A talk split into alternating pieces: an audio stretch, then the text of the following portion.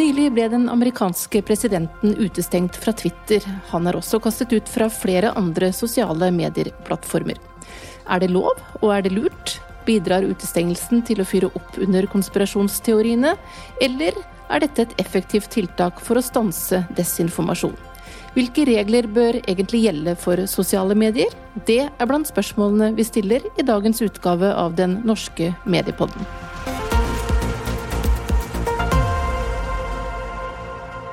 Dagens gjester her i Den norske mediepodden er Arne Jensen, som er generalsekretær i Norsk redaktørforening, Jon Wessel Aas, jurist og spesialist bl.a. på ytringsfrihetsspørsmål, og Bente Kalsnes, medieforsker ved Høgskolen Kristiania. Og Temaet er altså sosiale medier og ytringsfrihet, med utgangspunkt i at flere sosiale medier-plattformer har utestengt Donald Trump etter de dramatiske hendelsene på Capitol Hill 6.1. Twitter for sin del begrunner utestengelsen med at postene fra presidenten medfører risiko for nye voldsepisoder. Og vi begynner med deg, Jon Wesselås. Du er eh, advokat, og for å ta jussen her først. Hvilke regler er det som gjelder for disse globale plattformene i dag? Det er jo greit å ha som premiss for disse diskusjonene. Eh, og der er det I motsetning til hva man kan få inntrykk av av og til når man hører folk diskutere dette, så er det ikke slik at disse plattformene lever helt uregulert og ikke har noe ansvar for det som skjer på plattformene sine. Og, og veldig sånn grovt sagt så er det ganske lik eh, regulering i USA og i Europa på dette. Og disse plattformene er jo underlagt reglene både her og der.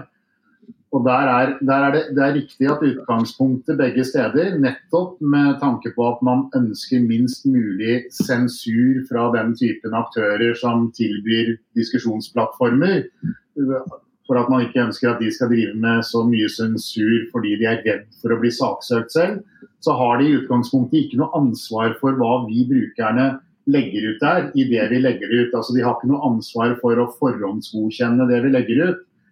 Men i, eh, men i begge land så, så, har de et potensielt ansvar for at innhold blir liggende der som er ulovlig. Eh, etter at de har blitt klar over det. Dette er veldig enkelt sagt, altså. Men, men uh, prinsippet der er jo også at de er jo i utgangspunktet private aktører som eier dem. Og et resonnement er at det er en del av deres egen ytringsfrihet å bestemme hva plattformen deres skal brukes og ikke skal brukes til. Så Det er et sånt utgangspunkt. og Når man har det utgangspunktet, så har de jo et visst ansvar. og Da er jo i hvert fall dagens regime å begynne å snakke om at man skal pålegge dem å holde seg unna og slippe til alle meninger. Det kan man ikke gjøre samtidig som de faktisk har et visst ansvar rettslig. Da må de også få lov til å bestemme hva som skal få ligge der, og hvem som skal få lov å være brukere. Dette er jo, som du var inne på, private selskaper. De har utarbeidet noen retningslinjer som vi som brukere da forplikter oss til å følge når vi oppretter en konto hos dem. Så det betyr da, Jon, at rent juridisk så er de i sin fulle rett til å utestenge den som bryter disse retningslinjene, enten det er en vanlig mann i gata eller en amerikansk president. Det er, det er riktig opp, men dermed er det ikke sagt at ikke, og det skal vi vel diskutere, at det ikke er en utfordring for samfunnet og demokratiet at disse plattformene som dominerer i dag, det kan jo være noen andre i morgen, eh, at de er såpass viktige for den offentlige debatten etter hvert. Rett og slett fordi veldig mange er på noen få plattformer. At det er en utfordring at det sitter noen aktører der og bestemmer hva som skal slippe til og ikke slippe til. Ja, for eh, selv om eh, den utestengelsen altså da ikke er ulovlig, så er jo spørsmålet om den er riktig. Og Arne Jensen, du er generalsekretær altså i Redaktørforeningen, og du har sagt at eh, Trump ikke burde vært utestengt. Hva er grunnen til at du mener det? Jeg mener i hvert fall det er problematisk, og det er i aller høyeste grad betimelig at vi har en diskusjon rundt det. Så mener jo ikke jeg eh, Så er jeg veldig eh, forsiktig med å bruke begrepet sensur. Eh, fordi det vil jeg gjerne forbeholde statlige inngrep. Og det er helt riktig, som jeg er helt enig med Jon Wesselås i, at i at Twitter er et privat selskap, så de eh, opererer ut ifra uh, sine egne retningslinjer, og kan eh, selvfølgelig juridisk sett gjøre det. Ikke noe problem, og jeg vil ikke, kalle det, vil ikke kalle det sensur om de kaster ut folk. Men det som vi ser nå, er at et globalt selskap med enorm makt altså velger å utestenge folk, og det gjør de jo rett som det er. men, men grunnlaget som de har gjort det på i dette tilfellet, uh, syns jeg nok er litt, uh, litt, spesielt. Og jeg mener jo generelt sett at det er uheldig uh, at de som sitter med, med distribusjonsnettverk, som jo dette i utgangspunktet skal være, da går inn og, eh, og, på sett og vis opererer som uh, om du drev et, et, medium i konkurranse med mange andre. Jeg vil for alltid fremme ideen om at ansvar og friheter må henge sammen. Ellers så får du et helt håpløst system. Og jeg vil for alltid forsvare friheten til de som har ansvar til å kunne regulere sin egen publisering. Det er det som vi i Norge stort sett kaller redaktøransvaret. og det, eh, det, må vi forsvare. Men vi må også kunne diskutere hva er kriteriene for at noe som i prinsippet er en distribusjonskanal, eh, skal kunne kaste ut eh, folk. Og som sagt, jeg syns ikke begrunnelsen fra Twitter er, er spesielt god, og derfor så står man også i fare for å nøre opp under alle de som også sier at ja, men her ser vi big tech er jo eh, den, en av de store fiendene eh, i de miljøene som også støtter Donald Trump. Og troen på at dette skal eh, Det er en ren sånn taktisk vurdering, den er ikke så prinsipiell, men troen på at det skal gjøre, gjøre susen, det er jeg mildt sagt skeptisk til. Vi skal komme litt tilbake igjen til dette med kriterier, men først til deg, Bente Kalsnes. Du er medieforsker. Nå er det jo ikke første gang at Trump har brutt Twitters retningslinjer, men han er altså ikke utestengt før nå. Hvorfor skjer ikke det før nå, rett før han er ferdig med sin presidentperiode, tror du?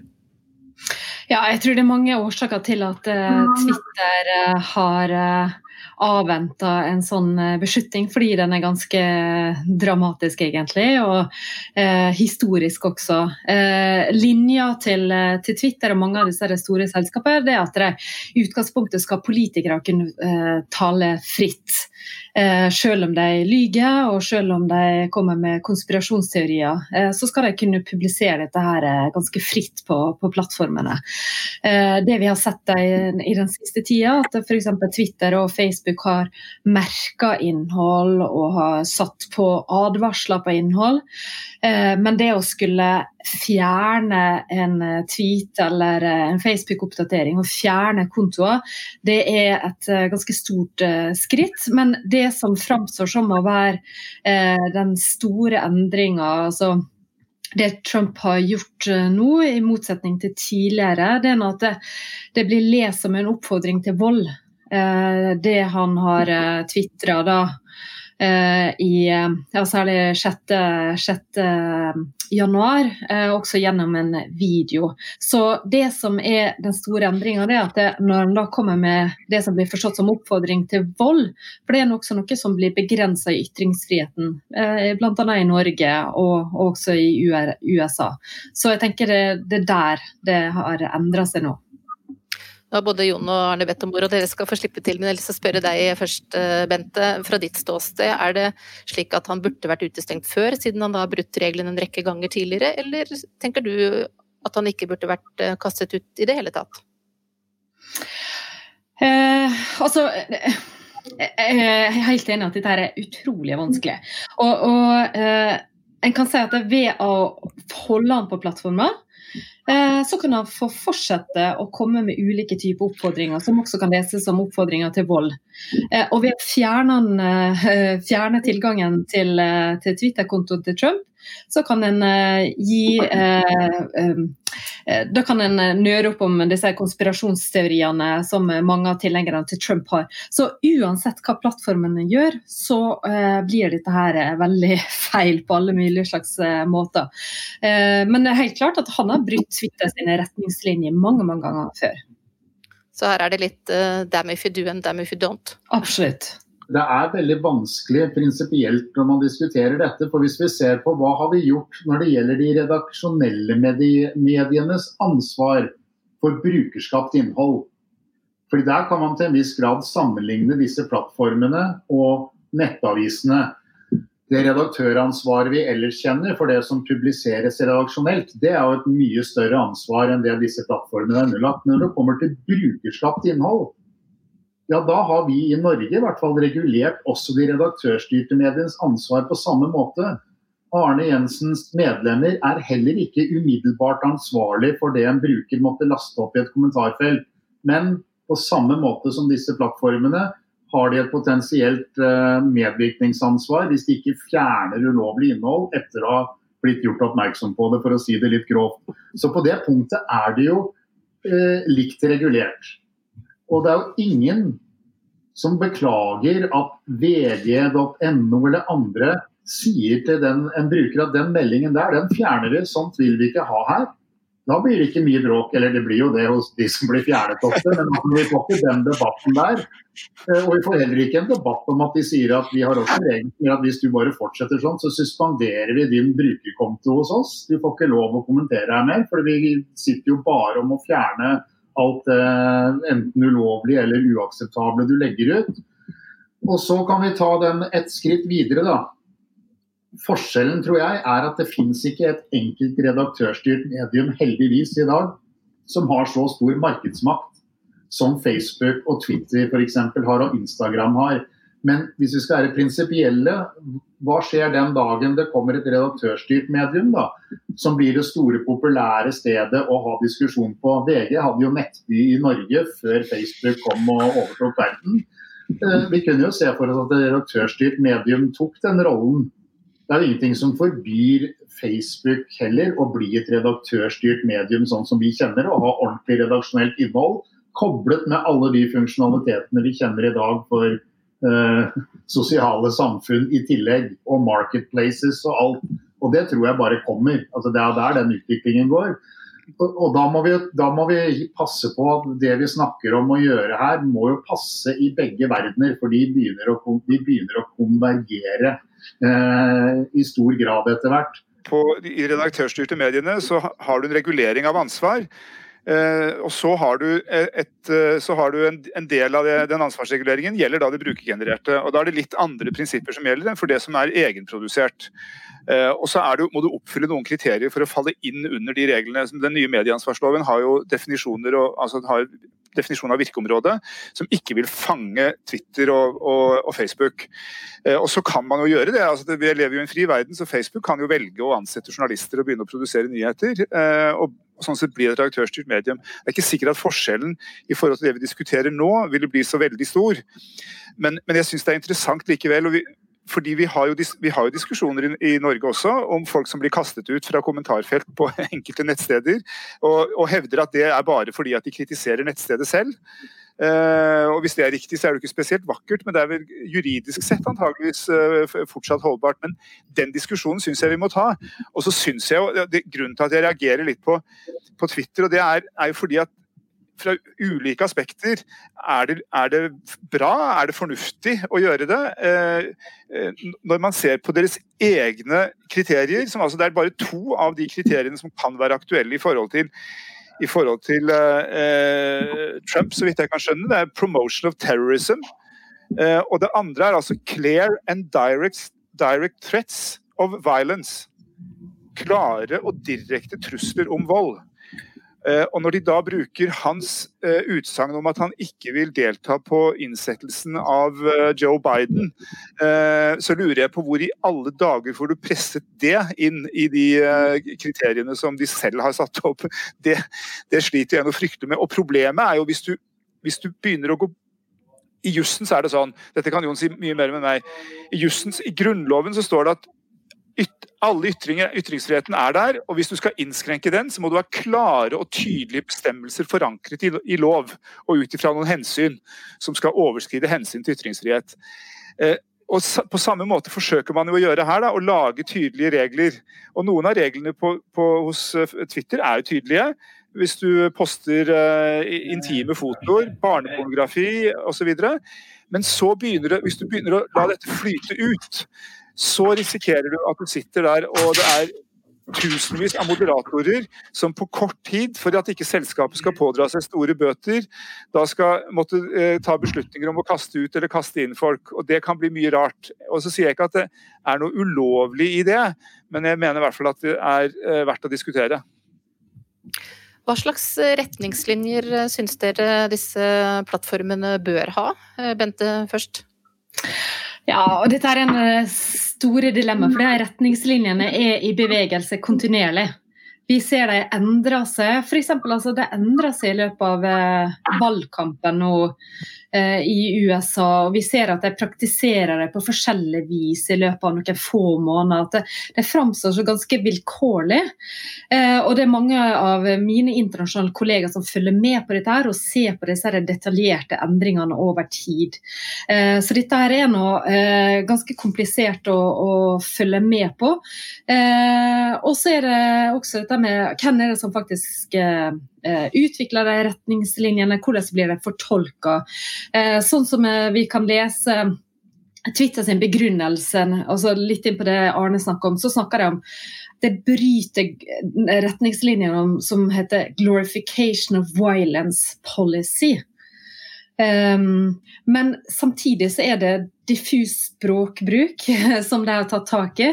Uh, så, um, så, det er klart at det, dette her er ikke helt tydelig og klart. Altså Diskusjonen om retningslinjene og ut, eller håndheving av de retningslinjene både for Twitter og Facebook og Snapchat og alle disse her, at det blir det mer debatt om. Det har vært debatt om dette her i mange mange år allerede. Eh, kanskje mer sånn spesielt interesserte teknologi og ja, for så vidt mediemiljø også. Eh, men dette her er vi ser tydeligere hvordan de er med på å sette premissene for den digitale offentligheten altså de retningslinjene vi har som er juridiske, og som er der i dag, eh, de er helt greie. Alle borgere må leve med, med det. Og jeg syns ikke de er så gale, eh, de vi akkurat har vært gjennom med det potensielle ansvaret deres, men ikke et ansvar som gjør at de bare kan legge ned i morgen. For det vil de jo måtte gjøre hvis de måtte forhåndsgodkjenne alt det vi tullingene legger ut hver dag. Men interne retningslinjer da, jeg, jeg syns det er litt vanskelig. Det er nettopp det som er problemet. Vi kan gjerne hver og en av oss ha gode forslag til dem. Men, men jeg mener at det må være opp til dem. Og, og, og dels jeg innser det er jo litt naivt i den reelle verden. altså for Fullstendig perfekt er den jo ikke på dette området heller. Men vi har jo sett at de er sensitive overfor brukernes reaksjoner. Ikke bare på dette området, men på andre områder når de introduserer ny funksjonalitet. Facebook eller hvem det er som forbrukerne reagerer på. Så trekker de det litt tilbake, modifiserer det. De er jo helt avhengig av at brukerne syns at det er et greit sted å være, at de aksepterer vilkårene. Jeg pleier å si at uansett hvordan de endres litt fra dag eller uke til uke, så er de så vidt formulert at i praksis så kan de etter eget forgodtbefinnende fjerne innhold og fjerne brukere. Arne, hva tenker du eh, rundt eh, hvor eh, grensen bør gå når det gjelder ytringsfrihet i forhold til når det da er legitimt å stenge noen ute fra sosiale medier, hvis det i det hele tatt skal være mulig? ytringsfrihet. Og igjen skal jeg sitere Jon Wesselås. Ytringsfrihetens grunnleggende prinsipp er at ord skal møtes med ord. Og det er jo det, Vi må, ikke, vi må liksom ikke så sier noen at å kjære vene, der kom den 17. mai-talen, og dette fungerer jo ikke i virkelighetens verden. Nei, men vi, vi må ikke Mister vi det prinsippet av syne, så tror jeg vi kommer til på sikt å vikle oss inn i mye større problemer enn, enn vi helt uh, klarer å se. Og det, det mener dette er, dette er kjempeviktig. Uh, uh, altså. Og det var noen som har sagt i debatten her at jo, men usanne opplysninger er jo ikke beskyttet av ytringsfriheten. Eh, jo, eh, så til de grader òg. Eh, fordi at eh, hvis ikke de usanne opplysningene innebærer noen skade, hvis du ikke har et skadekriterium knyttet til altså type ærekrenkelser eller trusler eller andre, så er du kan mene dagen lang at jorda er flat, og at Elvis lever, og at, uh, og at valget er stjålet. Det er, uh, det er mulig å, å, mene, mener jeg. Trump har altså hatt 88 millioner følgere på Twitter, og ifølge Washington Post har han postet nesten 30 000 meldinger med enten falske eller misvisende påstander. Og Bente, hvordan skal vi som samfunn klare å bekjempe desinformasjon hvis en president sprer slik informasjon på denne måten på en av verdens største plattformer? Ja, det har vist seg å være veldig vanskelig, som vi har sett nå de siste, siste fire åra. Men, men, det som jeg syns er litt viktig å understreke i den diskusjonen som har oppstått nå, det er at det vi har sett, at det, det har på en måte gått et skritt videre. Når det er snakk om vold, altså oppfordringer til vold, ikke bare fra Trumps side, men også fra mange av tilhengerne. Eh, og planlegging av voldelige aksjoner eh, og diskusjon om våpenbruk og den type ting. Eh, det er noe annet enn meningsutveksling og, og diskutere ting. Eh, så, så, det jeg ser i eh, veldig mange av de diskusjonene som jeg følger, er at det, eh, her er det en ny dimensjon som har kommet inn. Eh, og det er derfor at en reagerer strengere nå. F.eks. på det med at en har, eh, har fjerna tilgangen til Parler som app via Amazon, via Google, via Apple. Eh, og det er jo nettopp fordi at det handler om planlegging av voldelige handlinger. Vi har jo vært inne på at uh, disse plattformene uh, nå etter hvert er blitt en stor og vesentlig del av den infrastrukturen som vi har for den offentlige debatten. Uh, og da blir jo også spørsmålet er det behov for strengere og en annen form for regulering, fordi at disse selskapene nå har fått en så viktig rolle i den offentlige debatten? Langt på vei så diskuterer mange dette nærmest som om disse plattformene skulle være internett i seg selv. Og det er det jo ikke. Det er for så vidt et lite under at internettet i seg selv faktisk er eh, veldig lite regulert. Eh? Det er en stiftelse som kontrollerer eh, alle disse altså kodene som gjør at vi kan kommunisere der osv. Det skal vi være glad for. Og, og, og, er, og, bare for å ha sagt det, når, når vi snakker nå om denne denne plattformen Parler, da. Altså Det som er stengt, det er jo at noen, sånn som Apple og Android, har stengt for at deres app kan brukes i deres systemer. Amazon har sagt at de vil ikke leie ut serverplass til dem lenger. Ingen av de delene betyr at ikke Parler kan eksistere videre. De får finne sin egen server. Eh, folk kan eh, bruke Parler eh, i webversjonen. Altså, du er ikke avhengig av en app, bare så det er sagt. For igjen, Der blir det også sånn unyansert. Det er nærmest som nå er de sensurert, så de, de har ikke ytringsfrihet lenger.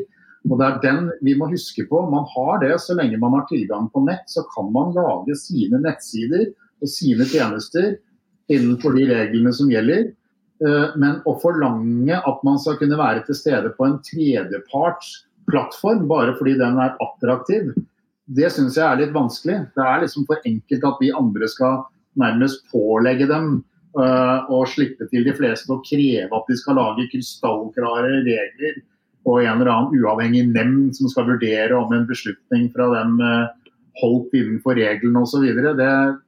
Jeg håper vi klarer å finne andre løsninger, og der vil jeg vise til det Arne sa at vi må prøve å holde det prinsipielle ytringsfrihetsblikket fortsatt, selv om det på kort sikt kan være fristende med reguleringer. Det pågår jo et arbeid i EU, eh, som også Jon kjenner, eh, og kanskje Bente også, eh, med et forsøk på å, å, dra opp noen retningslinjer for hvordan man skal regulere disse nettverkene og det ansvaret de har. Eh, og Det handler jo om å få, om å få eh, på, på, plass noen sånne hovedføringer for hva, hva, hva, slags ansvar det skal være, hva det innebærer og hvordan det skal eh, i overvåkes. Men også er jeg helt enig med Jon i at det er, skummelt å skulle begynne å gå inn og, og regulere dette for, for sterkt. Fordi det har noen helt andre sider ved seg som er meget, meget skummelt å, å, å, gjøre som man Jeg vet ikke om det Korriger meg hvis jeg sier noe tull nå, det hender jo fra tid til annen. Jeg vet ikke om det er Polen som har inne noen regler hvor man liksom ikke får lov til å stenge folk ute. Eller du må ha mer Det er liksom sånn andre veien, og det blir jo helt umulig. Da må du jo i hvert fall fritas for ansvar. For da, og da blir du en ren teknisk, da blir du ren teknisk distributør. Hva tror dere om eh, utviklingen videre framover, når det gjelder eh, debattklima og hvordan ting kommer til å utvikle seg i eh, sosiale medier, som da er blitt en så viktig arena for debatt? Eh, veldig masse av den norske debatten foregår nå på disse arenaene. Veldig mange norske nettaviser har stengt sine kommentarfelt og på en måte åpne opp for at dette skal skje primært på Facebook og for så vidt også på Twitter med hashtagger og den type ting. Og Det er nå på en måte å altså En resignerer litt. En ser at det å skulle håndtere debatten i kommentarfeltet er såpass ressurskrevende og vanskelig at en bare finner ut at det, det gir så lite. Derfor stenger vi det. Eh, men det kan jo være en uh, anledning. altså Den debatten som oppstår nå, kan jo være en anledning til å eh, gå noen runder til i norsk media og se hvordan en kan kanskje i større grad ta tilbake den nettdebatten, og ikke være så avhengig av plattformene for å få den til. Arne, hva tror du om den ideen? Ja, Det er notert. er det realistisk, tror du? Nei, men jeg er jo helt jeg er jo enig med Bente. Jeg skulle jo ønske uh, at, uh, at, det var flere uh, medier som beholdt sine egne kommentarfelt. Og så har jeg stor forståelse for at mange finner det nokså krevende å få dette rigget på en, på en ordentlig måte. Men, men jo, noen av oss hadde jo en gang i tiden en drøm om at, om at dette nå skulle innebære, og det har det for så vidt gjort, en demokratisering av ytringsfriheten. Og så viser det seg at det har vært vanskeligere enn vi trodde, å sørge for at de debattene ble gode. Nå har jo, nå har jo nettdebatten et litt dårligere rykte enn en fortjent, syns jeg. For det er mange, ganske mange gode debatter der også. Men det er klart at det er, det er utfordrende, og, og, og du, må ha, du, må ha, noen ressurser til å følge med, med, for at ikke ting skal skjære ut. Eh, det kan jeg si med, med Det har jeg solid bakgrunn for å, å, å kunne mene. Du, helt til slutt, eh, hvis dere eh, hver og en skulle gi et godt råd til disse sjefene, enten det være seg for Twitter eller Facebook, hvordan de da bør håndtere denne type situasjoner som vi har sett nå, hva ville dere sagt? lag noen enkle regler som, er, eh, som, som uh, handler om hva som er ulovlig. Og, og, forsøk å gjøre det minst mulig skjønnsmessig. Og så ser jeg at jeg har kontekst noen ganger, men jeg, det, jeg, tror det er et litt sånn farlig spor. Jeg tror det må være enkelt, oversiktlig, gjennomsiktig og, og sånn at det er mulig å håndheve uten at det blir voldsomme diskusjoner hver gang. Ja. Bente? Ja, um, altså jeg skulle ønske at vi får mer innsyn i hva de faktisk gjør. Eh, eh, hvor mange kontoer de fjerner, hva slags kontoer de fjerner, på hva slags grunnlag. At vi fikk dataene på dette. For det er utrolig vanskelig å forske på hva er konsekvensen av å fjerne noe, f.eks. Gjør det at du forhindrer altså, vold? Altså, hvordan, hva betyr det at en merker eh, med en varseltrekant eh, Trump sitt innhold? Det å kunne skape større åpenhet rundt de handlingene de gjør, for å kunne forstå litt mer om hva det faktisk betyr. Det er mitt råd til plattformene. Og Jon? Da kan jeg bare si at kombinasjonen av rådene fra henholdsvis Arne og Bente var eh, meget gode. Altså, så tydelige retningslinjer at brukerne skjønner det, og mer transparens. Åpenhet er nesten aldri av det onde. Og, er, og, vi er langt fra der hvor åpenheten deres nærmer seg noe ondt foreløpig. Så det er bare å kjøre på. Tusen takk til Jon Wessel Aas, som er jurist, til Arne Jensen, generalsekretær i Norsk redaktørforening, og Bente Kalsnes, medieforsker ved Høgskolen Kristiania, som alle har vært med i dagens utgave av Den norske mediepodden.